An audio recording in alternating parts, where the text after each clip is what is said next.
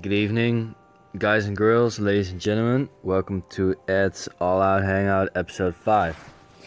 Um, this episode will be dedicated to the concept of minimalism.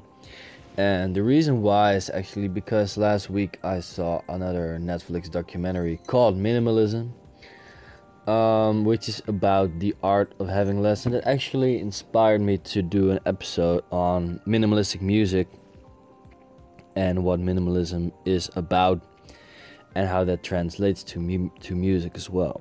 Um, since Anchor recently launched their co-host feature, I have tried it, although the Wi-Fi here was not great, so I will try again to figure it out and get some co-host at another place where I have better Wi-Fi in order to discuss the concept of minimalism and minimalistic music uh, when it comes to that. Um, but let's talk about the concept first. And really, minimalism, as I saw in the documentary, is about having less and actually having more significant stuff. Um, I think every one of us has a lot of boxes, storage where we put things that we once used, we once liked, and we don't use at all.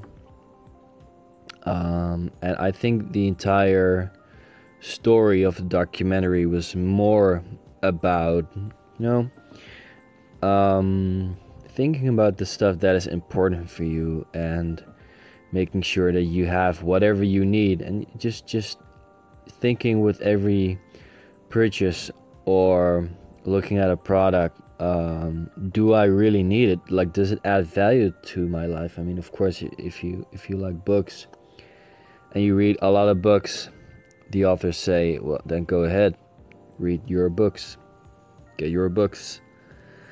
And with music, honestly, that is the same. With me, for example, I have a lot of records, CDs, um, and I generally like to keep that as a collection uh, which is great, of course. But the whole point of minimalism is just to have you know, less stuff, which in then return yield more experiences or yield more free time, less distractions.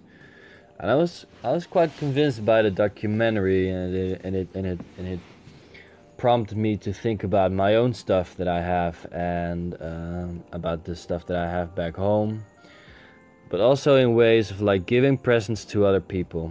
I try to give as much experiences rather than materialistic things, by example. Um, so that's a good example of minimalism. And I thought, well, the concept of minimalism in music might be worthwhile to have a closer look into that. And um, the first album that springs to mind with me personally, and I've listened to this album a lot every year over the last couple, let's say, five, six years, um, which is Music for Airports by Brian Eno. And I discovered Brian Eno, I think, the first time that my parents discussed Roxy music um, at this moment, I can't come up with the band singer's name again. But it doesn't matter because it's about Brian Eno here. Brian Eno was the keyboardist of Roxy Music for, from the top of my head, two or three albums. Um, after which he dedicated himself to making ambient music, which is just the, the sound of landscapes small instruments, small noises, small melodies. Basically, keeping the music as you know, as as as free and as backgroundy as possible. Now, music for airports was the inspiration for Brian Eno because when it, whenever he was at a, at the airport, he wanted to hear something that would make the wait less and to actually give the passengers and the people on the airport something to listen to, something cool to listen to. Now, I have heard when I was in Bangkok one time uh, on the airport, I actually heard the airport radio or, or or the speakers, I heard them play music for airports, which was probably one of the most funny moments of my life. And um, yeah, the whole album is just really it's it's minimal. It adds pianos, it adds background voices, and I use it a lot for when I study or when I want to relax or wind down or meditate. And the whole album just is pure calmness for for me, and that in case it's I think it has a good structure and a reference to minimalism in itself. And um, actually, the first, the opening track of the album, which is called One Dash One or One Slash One, um, actually sets the tone for the rest of the album, which is you have quiet piano sounds, and the keys are actually quite simple. Um, but it's it's just the whole feeling of the album that's so calming. And actually, the closing track of the album is kind of sad, in my opinion. Uh, it has this trumpet, the other uh, blazing instruments that go there that actually just like sound as a reflection of the whole album and what you as a listener experience in that in that moment in that listening tryout and uh, i don't know ever since i first heard the album the album just stuck with me. During studying during when i needed to calm down and get a breather. And uh, yeah that was mainly my inspiration for this podcast. Also i think the artwork of the album is great. I would love to get a full-size poster of it.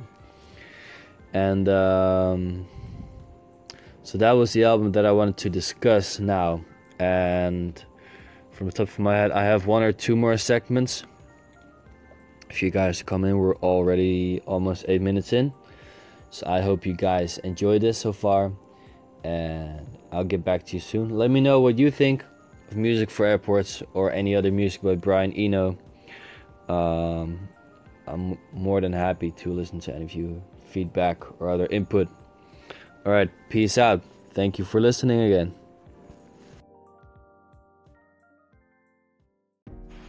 Um, the song that you just heard previously is called Hand Covers Bruise by Trent Reznor and Atticus Ross. And I think, as previously stated, I really, really like the sound they make. Uh, Trent Reznor and Atticus Ross have been making original score soundtracks for about maybe like eight or nine years now, maybe a bit longer. And uh, that song's actually one of my favorites. It's actually taken from The Social Network, film with Jesse Eisenberg about uh, Mark Zuckerberg and basically like the whole upcoming of Facebook, which they scored. Um, great piece of music, which I think really um, is is a prototype of how Trent and Atticus uh, cover music uh, based on the movies that they score, because they almost always have some sort of piano, and then you have this like dangerous sound coming towards you. It's like this this this nagging feeling of danger, just just like creeping onto you, uh, which I think makes for a beautifully haunting composition. Um, so that's the song that I wanted to let you guys hear. Um, and we'll close off with another song by Brian Eno, um, 2-2, which actually the closer from the Music for Airports album, and I think is it's a great song just because it it really just has this whole sadness about it, and just with like three or four instruments, you can make the song really really great and makes it feel really outstanding as well. Um, once again, I hope you like the songs like guys let you hear today. And um, yeah, open for feedback as always. Hit me up. Um, all right, I hope you enjoyed listening, guys. Peace out. See ya.